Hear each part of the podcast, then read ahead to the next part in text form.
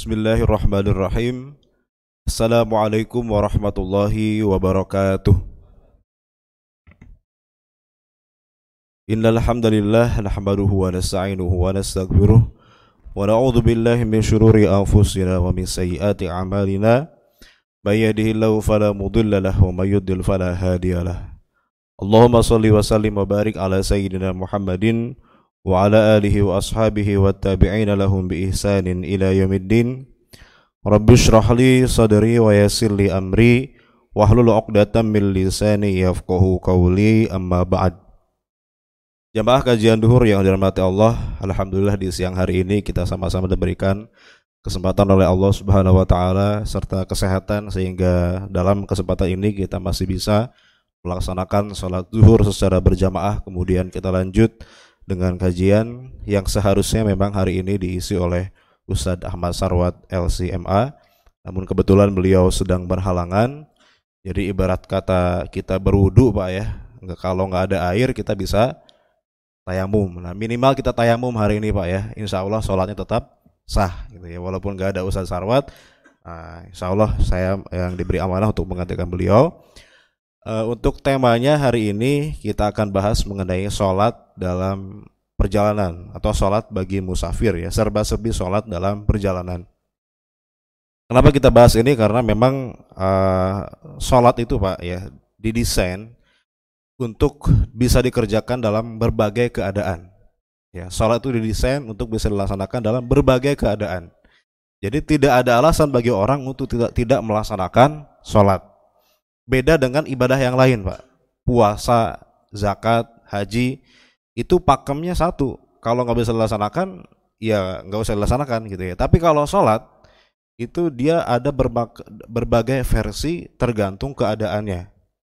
Maka bisa nanti sholat dalam keadaan musafir ada ketentuan khususnya sholat dalam keadaan sakit ada ketentuannya. Yang tata caranya bisa jadi berbeda. Tapi kalau puasa tidak ada misalnya Pak. Kalau kita misalnya bagi anak kecil ya yang gak, belum bisa puasa boleh deh puasanya sampai zuhur doang gitu ya. Nggak bisa Pak. Nggak sah. Ya kalau latihan doang sih nggak apa-apa gitu ya. Tapi kalau misalnya saya puasanya bisanya setengah hari doang sampai zuhur Pak. Sah nggak puasanya? Nggak sah. Yang namanya puasa itu ya dari terbit fajar sampai terbenam matahari. Ya itu satu tata cara. Tidak ada versi yang lain gitu ya.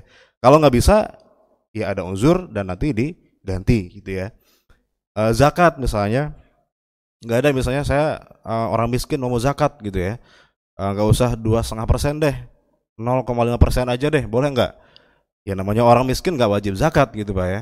Nah jadi e, dalam hal ini sholat memang agak unik karena sholat itu bisa di, dikerjakan dalam berbagai keadaan sehingga setiap orang selama masih ada nyawa dalam tubuhnya selama masih sadar selama masih hidup dia akan tetap terkenai kewajiban sholat. Dia mukallaf selama dia balik gitu ya, selama dia hidup dan sadar, selama itu juga dia wajib melaksanakan sholat. Walaupun dalam berbagai keadaan, termasuk salah satunya adalah dalam keadaan safar atau melakukan perjalanan. Apalagi kita yang uh, di kota pak ya, kita hidup dengan mobilitas tinggi. Mungkin ada yang rumahnya di Bogor, di Depok, dan setiap hari kerja di Jakarta Nah, apalagi dilemanya kalau pulang sore pasti kelewat maghrib gitu ya, naik kereta pulangnya jam 5 sampai rumah udah isa gitu kan. Nah ini kadang-kala dilema gitu ya, gimana cara sholatnya? Nah maka harus kita pelajari karena ini berkaitan dengan ibadah yang pertama kali ditanyakan nanti di akhirat kelak. Awalu ma yuhasabu bihil mar'u min amalihi yaumal qiyamah as-salat. Uh, amal yang pertama kali akan dihisab, dipertanyakan nanti di hari kiamat adalah sholat. Ya, jadi uh, urgensi uh, mempelajari sholat musafir memang bagi kita sebagai orang yang uh, kerja di kota dan mungkin rumahnya jauh dari Jakarta ini sangat penting ya. Uh, di zaman dulu juga memang di zaman Nabi orang Arab itu Pak ya selalu melakukan perjalanan tidak hanya kita aja orang Arab di zaman Nabi bahkan sebelum zaman Nabi sebelum Nabi lahir orang Arab di Mekah itu sering melaksanakan perjalanan dagang yang diabadikan dalam Al-Qur'an surat uh, Quraisy ya. Li'ila fi Quraisy ila fihim rihlatas syita'i waswaif. Kebiasaan orang Quraisy itu kalau misalnya musim panas, mereka melakukan perjalanan ke utara, ke negeri Syam yang waktu itu dikuasai oleh Romawi. Sedangkan di musim dingin mereka ke selatan ke Yaman. Jadi orang Arab itu sering bepergian, itu sudah menjadi tradisi mereka untuk berdagang, ya, pakai onta, jalan kaki dan lain sebagainya. Nah ini terkait hukum sholat memang ada syariat khusus dalam hal perjalanan. Nah sebelum kita mulai kita ingin bertanya dulu gitu ya, uh, yang dinamakan dengan safar yang kita maksud di sini apa sih gitu ya? Safar yang kita mendapatkan fasilitas keringanan dalam sholat itu memang ada syaratnya pak. Tidak mentang-mentang kita melakukan perjalanan otomatis kita bisa jama bisa kosor ya. Ada safar tertentu, ada kriteria tertentu dalam perjalanan ini yang membolehkan kita untuk menggunakan fasilitas dari Allah berupa jama kosor gitu ya. Nah, safar seperti apa yang membolehkan kita untuk melaksanakan atau mengambil fasilitas ini gitu ya. Menurut para ulama yang dimaksud dengan safar yang membolehkan kita jama dan kosor itu adalah pertama kita harus berniat ya. Sebelum kita melakukan safar, kita berniat untuk menuju tempat tertentu, ya. Jadi berniat untuk menuju tempat tertentu. Jadi kalau misalnya kita melakukan perjalanan tanpa ada niat nggak tahu mau ke mana gitu ya, tujuannya nggak jelas. Walaupun misalnya sudah ratusan kilometer, ini belum disebut safar yang membolehkan kita uh, menggunakan keringanan dari Allah. Misalnya uh, kalau zaman dulu pak orang berburu, berburu uh, misalnya uh, kuda gitu, ya, berburu hewan, Nah, itu dikejar terus pak, nggak terasa itu sampai misalnya 100 kilometer itu kira-kira dia boleh jama atau enggak pak? Boleh kosor atau enggak? Enggak boleh. Kenapa? Karena safarnya itu, perjalanannya itu dia tanpa ada tujuan. Ya. Jadi harus ada tujuan tertentu dan berniat safar dari awal. Kita ingin ke Bandung nih, gitu ya. Udah lewat jarak safar, ya berarti boleh.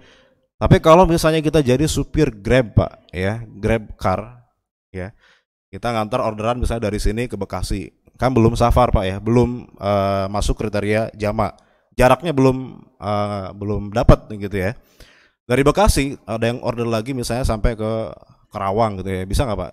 Ya katakanlah bisa gitu ya. Sampai Kerawang. Dari Kerawang sampai ke Bandung pak gitu ya. Nggak kerasa. Itu kira-kira dia selama di perjalanan boleh jama atau enggak pak? Boleh jama atau enggak nggak boleh. Kenapa karena dari awal dia nggak niat ke Bandung. Ya dia ke Bandung itu karena nggak sengaja. Karena banyak order order order tiba-tiba sampai di Bandung gitu ya. Atau misalnya di Jakarta sopir Kopaja pak ya sopir Kopaja dia walaupun misalnya di Jakarta muter-muter gitu ya P20 dari Senen ke Lebak Bulus muter 10 kali misalnya dalam sehari 10 kali 20 kilo 200 kilo pak sehari. Itu seharusnya boleh jama pak tapi karena dia muter-muter doang dan gak niat ke tempat tertentu nah, dia niat sih gitu ya tapi jaraknya nggak nggak sampai. Dari Senen ke Lebak Bulus berapa kilo cuma 20 kilo ya kira-kira nah, nyampe gitu ya. Jadi harus niat ke tempat tertentu. Nah kalau misalnya tadi uh, safarnya karena by accident gitu nggak sengaja tiba-tiba tiba di daerah tertentu misalnya diculik pak ya. Dia diculik orang dibawa ke mobil. Ya dari Jakarta tiba-tiba sampai ke Bandung. Nah, dia safar atau enggak itu kira-kira? Nah, dia nggak dianggap sebagai orang yang musafir yang dalam hal ini dia boleh uh, mengambil keringanan sholat. Karena ni, uh, pertama niatnya adalah dan makanan mak. Dia harus bermaksud kepada tempat tertentu. Yang kedua itu harus uh, khorijan an watonihi. Keluar dari uh, daerah tempat tinggalnya, watonnya. Ya, waton itu tempat tinggalnya. Jadi uh, seperti tadi misalnya kita niat safar udah gitu ya tapi cuma muter-muter doang kayak sopir Kopaja tadi pak ya dia memang niatnya ke Lebak Bulus kemudian ke Senen udah niat tuh ke tempat tapi cuma muter di sana aja. Walaupun misalnya sudah mencapai uh, total jaraknya 200 kilo karena bolak-balik dia tetap tidak dinamakan sebagai musafir yang boleh menjama dan mau kosor sholat. Atau misalnya pak Valentino Rossi pak ya dia balap di trek. Itu kan berapa lap pak ya? 12 eh, lap misalnya gitu ya. Kalau di total jaraknya berapa tuh 12 lap? Nyampe gak jarak uh, jamak kosor bisa-bisa nyampe gitu ya. Tapi dia Valentino Rossi nggak boleh jamak kosor pak. Kenapa? Ya karena dia kafir emang sholat gitu ya.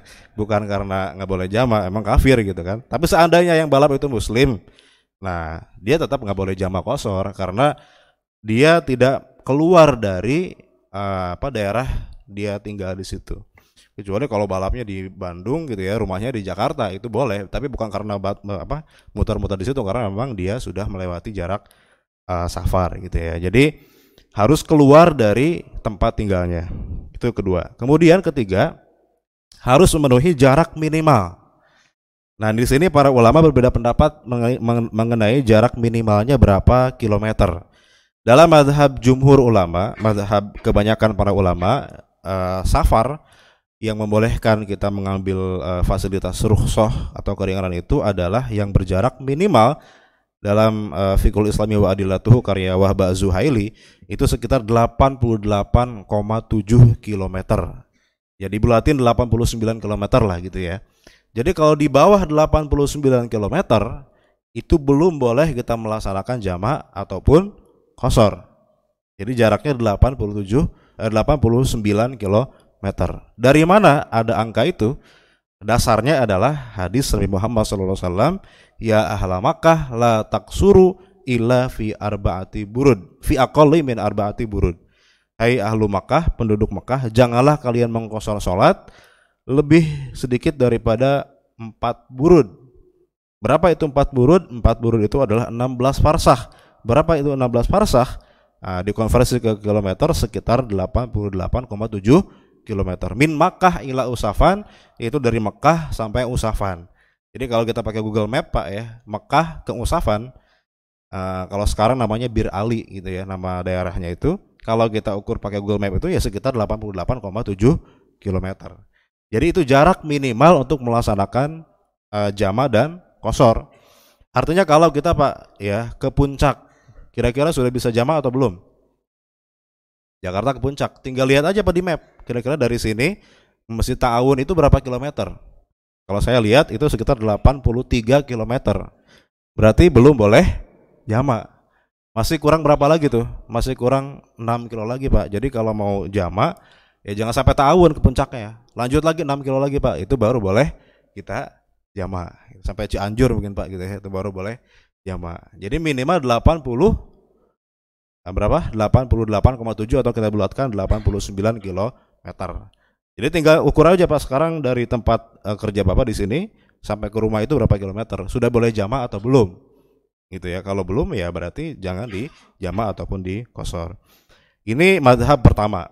Madhab kedua, madhab Hanafi yaitu mengatakan jarak minimal itu yaitu sekitar perjalanan tiga hari tiga malam dengan berjalan kaki atau nanti dikonversi ke kilometer itu sekitar 135 km. Ini lebih jauh lagi Pak kalau Madhab Hanafi. Jadi kalau kurang dari 135 km ah, belum boleh jama. Hadis uh, dalilnya apa? Dalilnya adalah hadis uh, syariat mengusap sepatu. Kata Nabi, kalau kita wudhu Pak ya, pakai sepatu itu boleh hanya mengusap sepatunya aja, nggak usah dibuka sepatunya. Tapi ada batas minimalnya. Bagi orang yang mukim, batasnya adalah sehari semalam. Sedangkan bagi orang yang musafir itu tiga hari tiga malam. Artinya dari hadis ini dipahami bahwa yang disebut dengan musafir adalah perjalanan tiga hari tiga malam atau dikonversi ke kilometer sekitar uh, 135 km. Ini madhab Hanafi. Memang agak lebih jauh kalau pakai madhab Hanafi. Nah kalau mau lebih ringan, ada madhab ketiga, madhab Zohiri. Madhab Ahlu Zohir ini tidak ada batasnya. Menurut Ahlu Zohir, yang penting orang sudah dikatakan melakukan perjalanan itu sudah di uh, sudah bisa melakukan jama dan kosor. Nah, jadi sebagian orang sekarang ada yang pakai madhab zohiri pak, gitu ya. Jadi kalau kita dari sini nih ke mall, ke Senen misalnya gitu ya, atau ke Ragunan itu sudah bisa dijama. Menurut madhab zohiri ini, gitu ya. Karena yang penting kita sudah keluar rumah, sudah melakukan perjalanan, uh, perasaan kita sudah melakukan safar gitu ya. Jadi ini ini kriterianya adalah perasaan. Yang penting perasaan kita sudah safar, ini sudah boleh jama dalam mazhab Zohiri. Tapi memang mazhab ini Pak, mazhab yang menyelisihi kebanyakan ulama. Jadi mazhab ini memang sudah punah. Dulu memang sempat tersebar, sempat berkembang di Spanyol, Andalusia. Ya, tapi sekarang mazhabnya sudah hilang karena muridnya tidak ada dan kitabnya pun sudah nggak ada gitu ya. Nah, jadi sekarang emang lebih amannya kita pakai pendapat kebanyakan ulama yang tengah-tengah gitu ya tadi ya. 89 km. Jadi kurang dari itu maka belum dianggap sebagai uh, seorang musafir yang boleh melaksanakan ruhsah. Kemudian yang selanjutnya, syarat yang selanjutnya adalah tidak membatalkan safar. Artinya kalau kita sudah sampai ke rumah, Pak ya, sudah sampai ke rumah, berarti sudah tidak boleh lagi kita menjama sholat. Atau sudah ke tempat tujuan, di mana kita sudah berniat di sana untuk bermukim lebih dari empat hari. Misalnya kita mau jalan-jalan ke Bandung, Pak ya. Nah di Bandung kita berniat menginap di sana lebih dari empat hari. Maka sudah sampai di Bandung itu tidak boleh lagi kita menjama dan mengkosor sholat. Tapi kalau di Bandung cuma tiga hari misalnya, kurang dari empat hari, maka dia masih dikatakan sebagai musafir. Jadi misalnya kita jalan-jalan ke Bandung Pak ya, cuma sehari semalam doang, itu selama di Bandung kita boleh jama sholat dan boleh mengkosor sholat. Karena selama di situ kita masih dikatakan sebagai musafir. Karena kurang dari empat hari. Tapi kalau kita nginap di sana lebih dari empat hari, nah di sini berarti uh, dia status musafirnya sudah hilang. Artinya sudah tidak boleh lagi kita menjamak dan mengkosor sholat. Itu pertama ya. Jadi tidak semua safar, tidak semua perjalanan, mentang-mentang kita naik kereta, mentang-mentang kita naik mobil, kita boleh menjama atau mengkosor sholat. Ada syarat-syarat tertentu, data di niat, kemudian ada tujuan tertentu, keluar dari tempat tinggal, kemudian ada jarak minimal dan tidak batal safarnya karena sudah sampai atau berniat bermukim lebih dari empat hari. Nah, kemudian uh, Sholat uh, kalau dalam keadaan safar itu kadang-kadang kita harus sholat dalam kendaraan pak ya. Kalau misalnya kita sholatnya di uh, mobil pak ya, mobil pribadi itu gampang. Kita tinggal turun begitu sholat, uh, begitu waktu mas sholat masuk kita tinggal turun cari masjid gampang gitu ya. Tapi kadang-kadang kita dihadapkan pada situasi sulit di mana kita pulang naik kereta. Nggak bisa turun sembarangan pak ya naik kereta. Atau naik pesawat pak gitu ya. Turun di mana itu pak ya? Nggak ada rest area gitu kan nah sekarang gimana caranya kita sholat dalam keadaan seperti itu? Pertama begini pak. Kalau kita masih bisa sholat dengan sempurna di suatu kendaraan maka kita tidak boleh apa namanya sholat eh, tidak ada, tidak memenuhi syarat dan rukun jadi begini pak. Mengenai sholat di kendaraan ini Nabi ya itu memang ada beberapa riwayat yang mengatakan bahwa Nabi itu pernah sholat di atas untanya. Ya Nabi sholat di atas untanya. Hanya saja uh, riwayat yang mengatakan Nabi sholat di atas unta ternyata itu adalah sholat sunnah bukan sholat fardu. Ketika Nabi melakukan sholat fardu Nabi turun dari untanya. Jadi kalau sholat sunnah Nabi sholat di atas unta sambil duduk kemudian uh, tidak berdiri pak. Karena kalau berdiri kan jatuh dari onta gitu pak ya duduk kemudian menghadap uh, ke arah di mana si unta itu berjalan gitu ya. Jadi mungkin awalnya menghadap kiblat tapi seiring berjalannya unta dia belok-belok kan pak ya. Nah jadi nggak menghadap kiblat dan nggak berdiri uh, dan ruku sujudnya nggak sempurna. Ini dilakukan Nabi tapi hanya dalam sholat sunnah. Tapi kalau e, melaksanakan sholat fardu, Nabi kemudian turun dari untanya, tidak memaksakan untuk sholat di atas unta. Maka dalam hal ini Pak, ya sholat di atas kendaraan hanya boleh untuk dilaksanakan pada sholat sunnah saja. Kalau sholat fardu, boleh, asalkan apa? Asalkan sempurna syarat dan rukunnya. Jadi harus berdiri, ruku dan sujudnya harus sempurna, menghadap kiblat dan harus berwudu. Kira-kira bisa nggak Pak kita sholat seperti di kendaraan? Tergantung kendaraannya. Kalau misalnya di kapal laut Pak, itu bisa ya. Karena dia jalannya kan slow gitu ya. Kemudian luas, kita bisa berdiri, bisa menghadap kiblat, bisa ruku, bisa sujud. Dan itu terjadi di zaman Nabi. Ketika Ja'far bin Abu Talib, sepupunya Nabi itu hijrah ke Habasyah, kan naik kapal Pak, nyebrang pulau itu dia mengatakan sholatlah di, uh, di kapal tapi sholatnya sempurna berdiri ruku sujud dan berwudu nah tapi kalau misalnya kendaraannya apa uh, di kereta yang sesak penuh pak ya. Di komuter lain di Jakarta itu kan boro-boro bisa sujud bisa sujud bisa ruku gitu ya. Kita nyari tempat kaki aja susah gitu kan. Nah ini gimana cara sholatnya? Begini pak kita antisipasi dari awal. Jadi kalau misalnya kita mau pulang dari sini sore gitu ya jam 5 itu kira-kira uh, kita nyampe nggak ke rumah sebelum habis waktu maghrib misalnya kita sampai rumahnya jam 7 kurang 15 kita bisa pastikan karena pengalaman sehari-hari kita pasti sampai jam 7 kurang 15. Masih boleh kita laksanakan sholat jam 7 kurang 15 di rumah daripada sholatnya di kendara di kendaraan dengan posisi yang tidak ideal. Jadi kita uh, kira-kira nanti kalau misalnya sampai rumah masih ada nggak waktu maghrib? Kalau masih ada kita boleh naik kendaraan kemudian nanti sholat di rumah. Tapi kalau misalnya setelah kita kira-kira ini nggak dapat nih, gitu ya maghribnya nggak dapat kalau kita naik kereta sekarang, maka kalau bisa ditunggu dulu pak sampai maghrib. Sholatnya di eh, jangan dulu naik kendaraan sebelum kita sholat. Tapi misalnya kita taruhlah misalnya pulang kantor itu jam uh, jam 5 lah gitu ya. Kalau nunggu maghrib masih lama nih masih sejam lagi gitu ya. Mau pulang dari sekarang nih. Dan kalau misalnya kita pulang itu nyampe rumah jam 7 malam, artinya maghrib sudah lewat. Nah, maka bagaimana caranya, Pak? Maka kalau maghrib kan nggak bisa dijamak pak ya. Yang boleh dijamak itu sholat apa? Zuhur dan asar, maghrib dan isya. Gitu ya. Uh, asar dengan maghrib boleh dijamak atau enggak? Nggak bisa. Jamak takdim nggak bisa gitu ya. Jamak takhir pun nggak bisa. Tapi maghrib dengan isya boleh atau enggak? Boleh. Nah artinya kita bisa memanfaatkan fasilitas jamak ini. Jadi kita berangkat dari sekarang gitu ya, walaupun belum maghrib, Nanti sebelum nyampe rumah ya kita jama takhir namanya, yaitu menarik maghrib ke waktu isya. Jangan dipaksakan sholat di atas kereta kalau tidak bisa memenuhi syarat dan rukunnya. Tapi kita manfaatkan fasilitas jama takhir, yaitu kita tarik maghrib ke isya. Itu kalau maghrib pak bisa jama takhir. Masalahnya kalau subuh gimana? Ya, kalau subuh bisa nggak di jama takhir ke zuhur gitu ya? nggak bisa pak ya. Atau dijama dengan duha? Nggak bisa. Walaupun banyak orang pak ya duhanya pakai kunut sekarang gitu ya. Ya kesiangan artinya salat subuhnya gitu kan.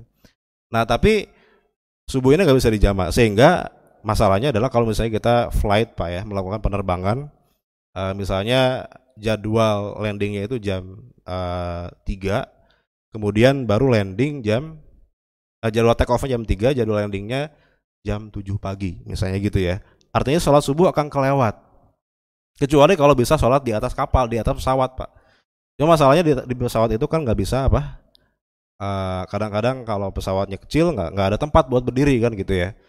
Nah maka dalam hal ini uh, kalau bisa berdiri kita sholat dengan berdiri. Terus wudhunya gimana? Nah kadang-kadang di sini juga sering keliru ya. Orang-orang sering kemudian ya udah tayamum aja deh. Ya udah tayamum aja deh gitu ya. Tayamumnya itu cukup apa uh, menepuk-nepuk tangan ke dinding pesawat. Saya tanya ini tayamumnya sah atau enggak, Pak? Sah atau enggak? Enggak sah. Kenapa? Tayamum itu kan harus pakai so'i dan toyiban. Harus pakai tanah atau debu. Di pesawat kira-kira ada nggak debunya, Pak? Itu kalau pesawat sampai ada debunya berarti nggak pernah dibersihin pesawatnya gitu ya. Nah sekarang banyak orang yang tayamum hanya dengan menepuk-nepuk tangan di dinding pesawat. Itu namanya pantomim tayamum pak. Bukan tayamum beneran gitu ya. Itu hanya pantomim. Dan selama masih ada air kita tidak boleh langsung tayamum. Kira-kira di pesawat ada nggak pak air? Minimal ada air minum aqua gelas pak. Itu satu aqua gelas bisa dipakai buat berwudu. Sah. Bahkan Nabi itu berwudunya dengan satu mud satu genggaman air uh, di tangan Nabi gitu ya itu sah dengan untuk berwudu Artinya jangan jangan langsung kita tayamum padahal di depan kita masih ada aqua gelas gitu ya. Kecuali kalau misalnya nggak ada air sama sekali dan kalau kita pakai wudhu ini kita kehausan, nah maka di sini ada yang disebut dengan sholat lihurmatil wakti. Jadi kita sholat harus sholat di kendaraan, nggak bisa di jamaah takhir karena subuh gitu ya. Dan pasti kalau kita sholatnya nunggu landing dulu atau nunggu sampai di tempat tujuan, udah habis mas uh, waktu sholat. Ini solusinya adalah dengan cara sholat lihurmatil wakti. Apa itu sholat dihormatil waktu? Ini hanya dalam madhab syafi'i Pak. Jadi dalam madhab syafi'i itu ada yang disebut dengan sholat lihurmatil waktu. Apa itu? Sholat untuk menghormati waktu. Artinya ketika masuk waktu kita sholat. Walaupun dengan keadaan yang tidak ideal, syarat dan rukunnya tidak terpenuhi.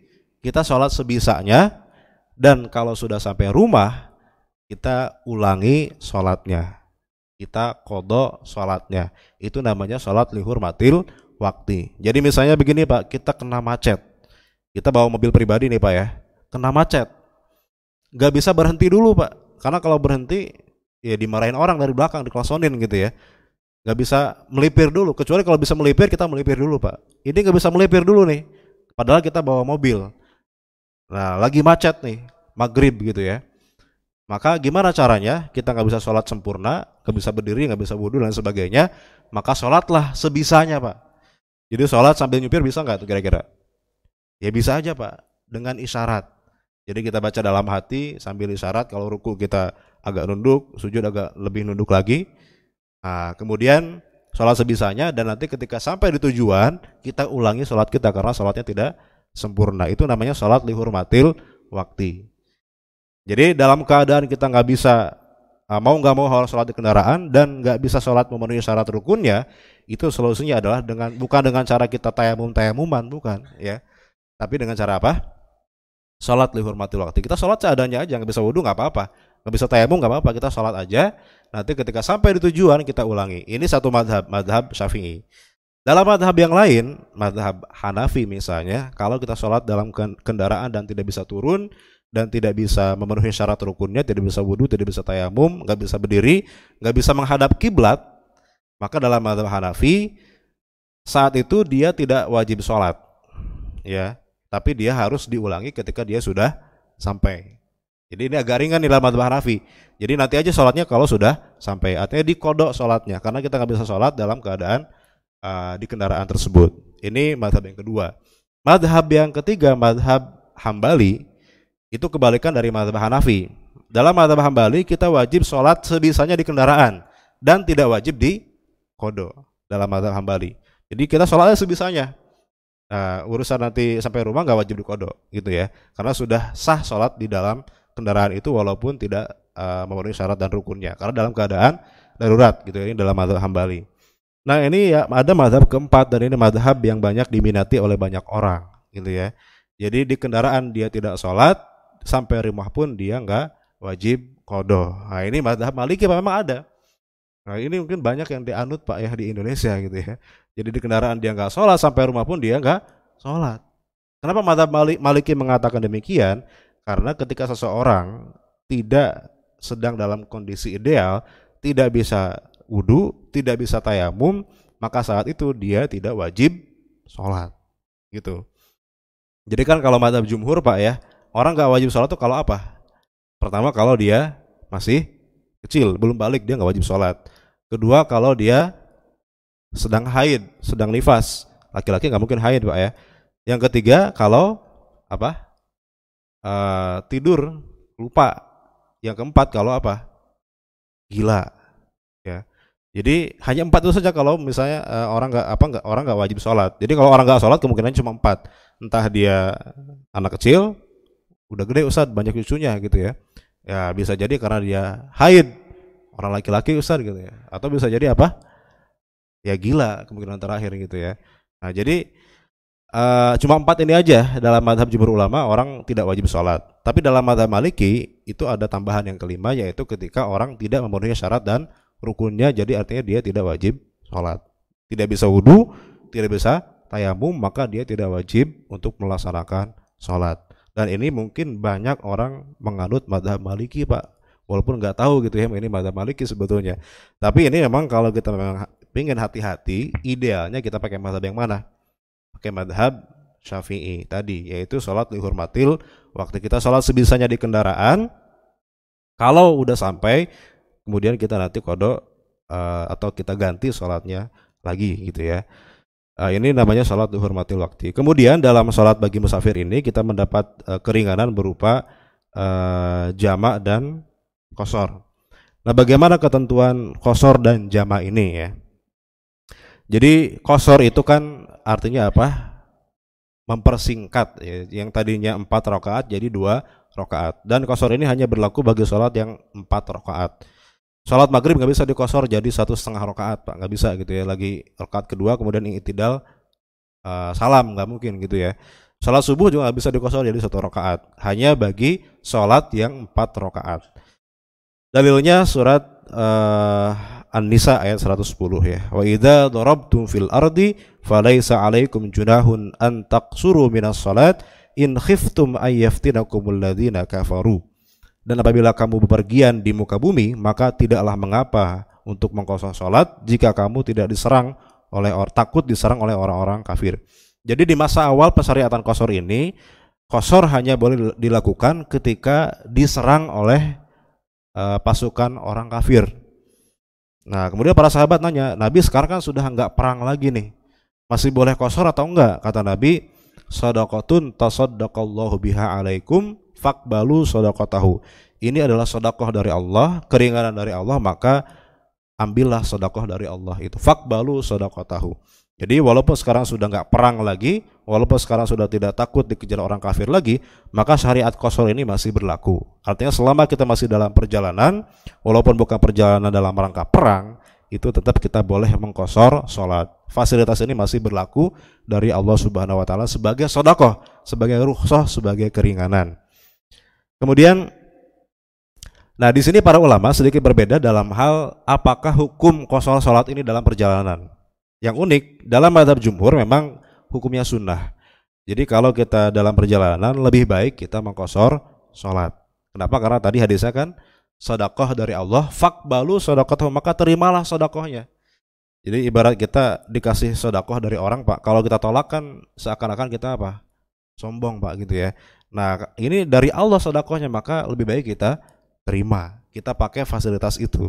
Lebih baik kita kosor daripada itmam. Ini madhab sebagian ulama. Dalam madhab Hanafi bahkan bukan hanya sunnah, tapi wajib. Jadi mengkosor sholat dalam perjalanan hukumnya adalah wajib. Artinya kalau kita sholat duhur di jalan empat rakaat itu nggak sah dalam madhab Hanafi. Kenapa?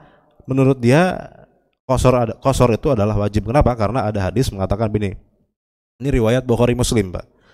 Awaluma furidatis salat ini. Fa ukirrat salatu safar wa utimmat salatul hadar. Awal pertama diwajibkannya salat itu adalah dua rakaat. Jadi semua salat awalnya dua rakaat kecuali maghrib. Jadi semua salat awalnya dua rakaat. Awal di, disyariatkannya. Jadi pertama kali turun dari mana Sidratul Muntaha, Nabi ketika selesai Isra Mi'raj itu Nabi bawa oleh-oleh berupa apa? kewajiban salat. Saat itu kewajiban sholat hanya dua rakaat. Semua sholat kecuali maghrib tiga rakaat. Kemudian disempurnakan lagi syariatnya fa'ukirrat sholatu safar sholat dalam perjalanan tetap dua rakaat wa utimmat sholatul hador dan sholat dalam keadaan tidak bepergian itu menjadi empat rakaat. Artinya pada dasarnya sholat perjalanan itu adalah dua rakaat bukan empat rakaat. Ini madhab Hanafi. Jadi dalam madhab Hanafi kalau dalam perjalanan kita malah wajib mengkosor sholat. Tapi dalam mazhab jumhur ini tidak wajib, hanya sekedar sunnah dan pilihan saja. Mau mengkosor boleh, tidak pun tidak masalah. Bahkan kalau kita misalnya minggir atau e, istirahat pak di tengah perjalanan ke rest area misalnya gitu ya.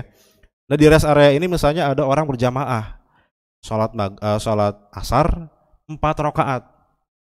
Jadi kita ikut jamaah itu pak, boleh nggak kita mengkosor sholat pak? Boleh nggak? Salat jamaahnya empat pak, nggak kosor, karena imamnya imam rawatib di situ empat rakaat. Kita sedang musafir nih, kita mau kosor, boleh nggak kita ikut jam, uh, jamaah di situ dengan kosor? Misalnya kita ikut dari awal nih ya, jadi imam uh, tasyahud pertama, kemudian berdiri kita salam pak gitu ya, karena kita dua rakaat doang, boleh atau enggak? Enggak boleh. Jadi kalau kita jamaah dengan orang mukim, dengan orang yang tidak kosor, tidak boleh di kosor. Jadi kalau mau mengkosor, sholatnya sendirian atau berjamaah dengan orang yang sama-sama musafir dengan yang serombongan, Pak. Tapi kalau kita jamaah e, dengan orang yang mukim, dengan orang situ yang tidak kosor, kita wajib ikut empat rakaat, tidak boleh kosor sendirian, Pak. Kenapa? Karena inna maju ilal imam liu bihi. Karena imam itu wajib di diikuti. Kalau imam empat ya kita empat, jangan imam empat kita dua gitu ya. Korupsi itu namanya pak gitu ya. Jadi harus uh, mengikuti imam, harus amanah mengikuti imam gitu ya. Uh, kemudian uh, kosor itu beda dengan jama pak. Kalau kosor itu hanya boleh karena satu sebab doang. Karena apa? Karena melakukan perjalanan atau safar. Selain safar tidak ada syariat kosor. Tidak boleh kita mengkosor sholat karena misalnya uh, sedang sakit. Nggak ada mengkosor sholat karena sakit. Atau kosor karena uh, hujan, nggak ada.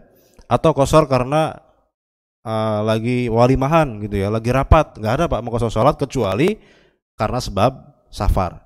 Jadi penyebab kosor itu hanyalah karena safar. Selain dalam keadaan perjalanan tidak boleh kita mengkosor sholat.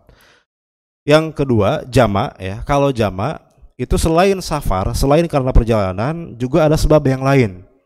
Nabi itu pernah menjamak sholat karena sakit. Dalam riwayat lain, Nabi juga pernah menjamak sholat karena hujan. Eh, bahkan Nabi pernah menjamak karena urusan perang. Jadi perang perang kondak pak ya. Ketika perang kondak, eh, jadi Nabi itu sampai nggak sholat empat sholat pak jadi sholat duhur, sholat asar, sholat maghrib, sholat isya itu kelewat. Kenapa? Karena saking sibuknya uh, melawan orang kafir ketika perang Khandaq. Sampai-sampai Nabi kelewat empat sholat. Duhur, asar, maghrib, isya. Maka sampai malam tiba, kemudian perang sudah selesai, barulah Nabi kemudian mengkodok semua sholatnya dalam satu waktu. Gitu. Jadi jamak sholat itu tidak uh, tidak seketat kosor. Jadi kalau kosor hanya boleh ketika safar, tapi kalau jamak itu boleh karena misalnya hujan, misalnya karena sakit uh, dan haji misalnya gitu ya atau darurat. Ini jamak sholat dibolehkan. Tapi kalau kosor itu hanya boleh ketika uh, apa namanya perjalanan saja. Baik. Tapi kalau uh, jamak tadi ya. Nah, jamak dan kosor itu sama-sama syaratnya tadi ya, safarnya harus minimal berapa jaraknya? 89 km dalam madhab jumhur ulama.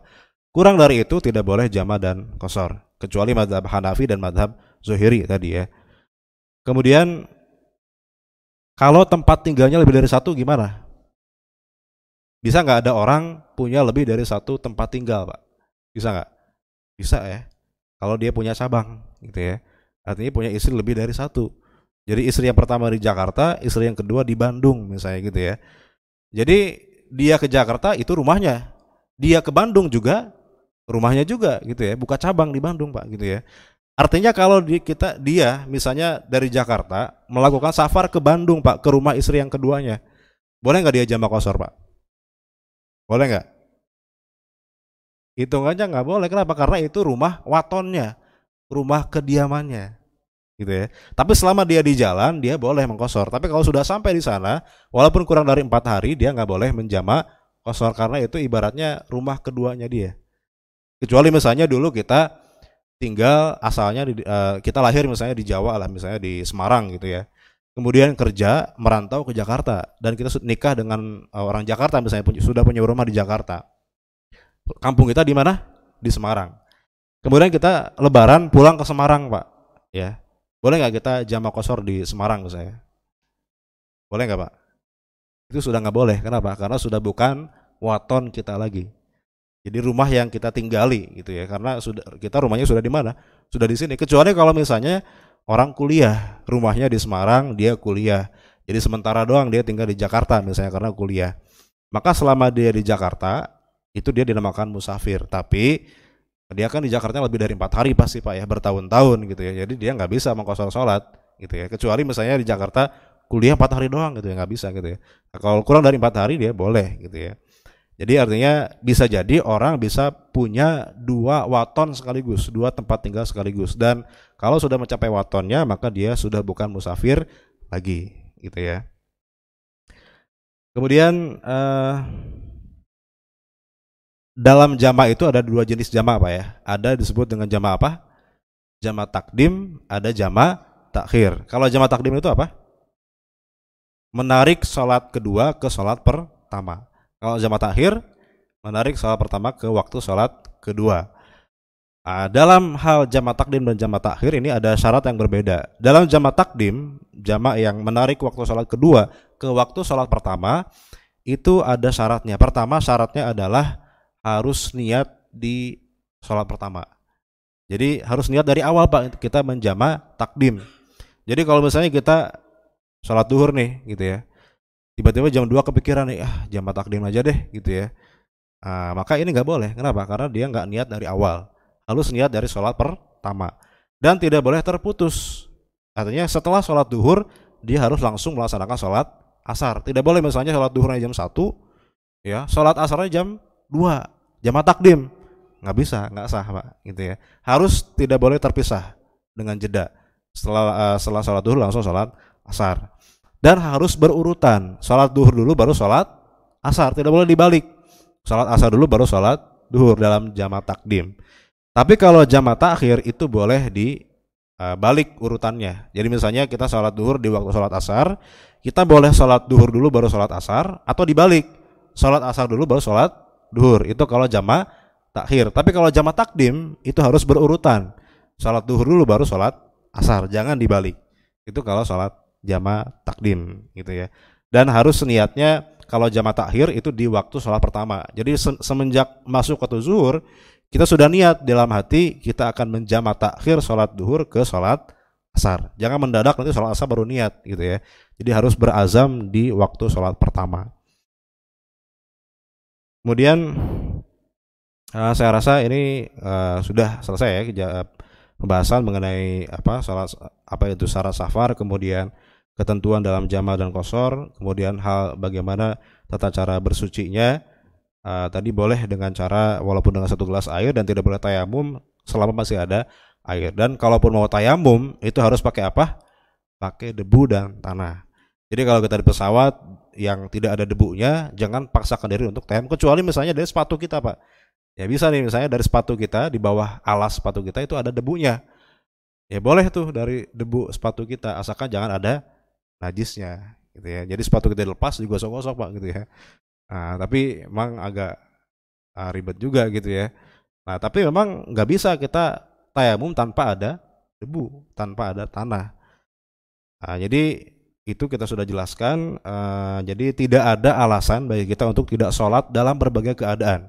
Dalam berbagai keadaan apa pun, selama masih ada nyawa di kandung badan dan selama masih di, kita sadar, kita tetap menj wajib menjalankan ibadah sholat. Lain halnya dengan ibadah yang lain, di mana kalau kita tidak bisa melaksanakan, maka kita tidak wajib melaksanakan dan kita ganti seperti puasa misalnya orang sakit karena puasa nggak ada misalnya syariat ya udah puasanya sampai duhur aja deh karena sakit misalnya gitu ya. Nggak bisa tetap harus sampai maghrib. Tapi karena nggak bisa boleh di kodo tapi kalau sholat ya selama dia masih ada nyawa dia tidak ada alasan untuk tidak sholat. Baik sebelum kita tutup mungkin ada kita buka sesi tanya jawab pak ya. Silakan. Mungkin dari jamaah ada yang ingin bertanya? Terima kasih. Uh, Ustadz, agak kurang jelas tadi mengenai yang syarat untuk salat jamaah. Kalau kosor kan memang itu wajib karena adanya safar. Ya. Yeah. Kalau sholat jamaah itu tadi Rasul sendiri pernah karena sakit. Rasul menjamak itu menggabungkan. Uh, apakah kalau kita karena waktu seperti misalnya ya Jakarta Bekasi itu 20 km tidak memenuhi syarat safar tapi memenuhi waktu untuk tidak dapat sholat maghrib. Kalau pulang jam 5 setengah 6 gitu. Bisa saja itu uh, maghribnya kebablasan. Apakah itu boleh itu jadi jamak tahir di sana? Ya. Baik tadi Rasul pernah menjamak sholat selain karena safar karena hujan atau sakit tadi ya. Sebetulnya bukan Nabi yang yang menjamah sholat karena sakit. Jadi Nabi tidak pernah menjamah karena sakit, tapi Nabi membolehkan uh, Aisyah waktu itu untuk menjamah sholat karena dia sedang sakit gitu ya. Bukan Nabi sendiri yang menjamah. Uh, kemudian tapi di sini nanti para ulama berikan batasan. Tidak semua sakit membolehkan jamaah. Tidak semua hujan membolehkan jamaah. Jadi di masa di, uh, di masa Nabi itu uh, hujan itu kan kalau di Arab Pak ya, hujan badai Pak ya jadi kita nggak bisa walaupun pakai payung, payungnya terbang gitu ya kalau di Arab sana. Jadi hujan itu hujan memang hujan yang ekstrim. Dan dulu tidak ada penerangan, tidak ada lampu ya. Jadi kalau berjalan dari rumah ke masjid dalam keadaan hujan, badai dan gelap, wah mungkin pulang tinggal nama doang gitu ya. Jadi sama Nabi boleh melakukan jama ketika hujan, tapi dengan syarat nih para ulama mengatakan hanya boleh maghrib dengan isya saja. Kalau zuhur dengan asar tidak boleh dijama karena hujan. Ini dalam mazhab kebanyakan ulama. Jadi dalam hujan pun nanti ada syarat. Pun dalam sakit pun nanti sakit yang memang menyulitkan orang untuk melaksanakan sholat berulang kali setiap waktu itu baru boleh dia menjama sholat karena sakit. Bukan karena misalnya sakitnya bisulan panuan gitu yang jelas bisa pak gitu ya. Nah kemudian tadi uh, kalau dari Bekasi Jakarta Bekasi itu kan belum memenuhi syarat safar maka memang tidak boleh kita menjama sholat. Maka solusinya tadi kita antisipasi misalnya kalau misalnya uh, bisa kita sampai rumah belum uh, masuk masuk waktu isya kita kejar. Tapi kalau nggak bisa kita tunggu sholatnya di sini dulu. Tapi kalaupun misalnya nggak bisa juga ya tadi sholat di atas kendaraan. Nah, sholat di atas kendaraan itu harus sempurna. Berdiri bisa kalau bisa berdiri kita berdiri. Kalau bisa uh, wudhu kita wudhu saya pernah pak mempraktekkan sholat di atas kereta dari uh, Jakarta ke Tasik gitu ya kan ada kereta tuh. Dalam trek yang lurus itu kan ada trek lurus pak. Kita bisa melakukan sholat secara sempurna di mana? Di uh, apa namanya sela-sela antar gerbong itu pak. Nah itu kan ada tempat tuh sedikit. Itu bisa kita melaksanakan sholat secara sempurna, berdiri, ruku, sujud dan berwudu. Saya bisa mempraktekannya itu gitu ya. Tapi kalau misalnya nggak bisa, sholat, terpaksa sholat di atas kendaraan dan nggak bisa wudhu, nggak bisa tayamum, nggak bisa berdiri, maka tadi solusinya adalah dengan cara sholat dihormatil waktu. Sholat sebisanya, ketika sudah sampai rumah kita ganti. Itu ya. Berarti ketika sampai rumah itu niatnya kita mengkodo ya. Ketika sampai rumah ternyata itu sudah masuk isa tadi. Itu. Kita mengkodo, niatnya Kodo, mengkodo. bukan bukan jama takhir ya. Bukan, isa, gitu. bukan jama, bukan jama karena jama nggak boleh, belum okay. boleh gitu ya. Jadi niatnya kita mengkodo sholat yang kita laksanakan di kendaraan yang nggak sempurna tadi. Itu. Tapi kalau misalnya kita sudah sampai dan mas uh, maghrib masih ada waktunya. Ya, ya berarti kita sholat maghrib di sana sudah nggak gitu ada ya. lagi gitu bahkan uh, ya memang ya katakanlah setengah delapan kadang pada suatu satu kasus kan hmm. macetnya di luar dugaan gitu. Ya dan kita nggak mungkin untuk keluar tol karena memang kondisi jalanan stuck lagi nyetir. Betul. Gitu. ya berarti Gantian itu sholat pun nggak bisa karena nggak ada yang diminta ganti kayak iya. Maka solusinya tadi dengan sholat luhur mati waktu. Sholat dengan keadaan uh, seadanya sebisanya berarti kita ganti uh, setelah sampai di tujuan saya juga pernah mengalami keadaan seperti itu Pak. Jadi saya macet itu dari uh, di Pancoran situ karena ada sedang ada pembangunan gitu ya dan nggak bisa melipir gitu ya. Dan terpaksa sholat maghribnya kelewat. Jadi sholat saya sampai nyetir gitu ya. Jadi sampai rumah nanti diulangi gitu ya. Karena kita nggak bisa mengantisipasi tadi karena nggak di luar prediksi gitu gitu kan. Kecuali kalau sudah sudah bisa diprediksi kita antisipasi dari awal. Baik. ada lagi Pak? Tadi kan kalau sudah sampai tempat lagi atau sampai rumah lagi gugur lah kewajiban jamaknya ya. Tapi kalau misalnya wah lupa nih kadang kan kadang kita kalau udah males mampir lagi tuh ah keburu-keburu nih ternyata ujung-ujungnya nggak keburu. Bisa nggak? Belum sampai rumah paling sekitar 3 5 kilo atau satu kilo di masjid dengan komplek kita ada masjid. Kita di situ jamak dulu. Itu masih jamak tuh bukan tapi udah nyampe satu kilo lagi sampai rumah. Ya jadi makanya di sini ukuran waton, ukuran tempat tinggal itu segimana ya? Kalau dulu di Madinah gampang ukurnya karena rumah itu kan masih ter uh, jarang-jarang gitu ya. Jadi satu ke Madinah itu ya setelah Madinah, setelah satu kota nanti ada padang pasir gitu. Jadi kelihatan batasnya.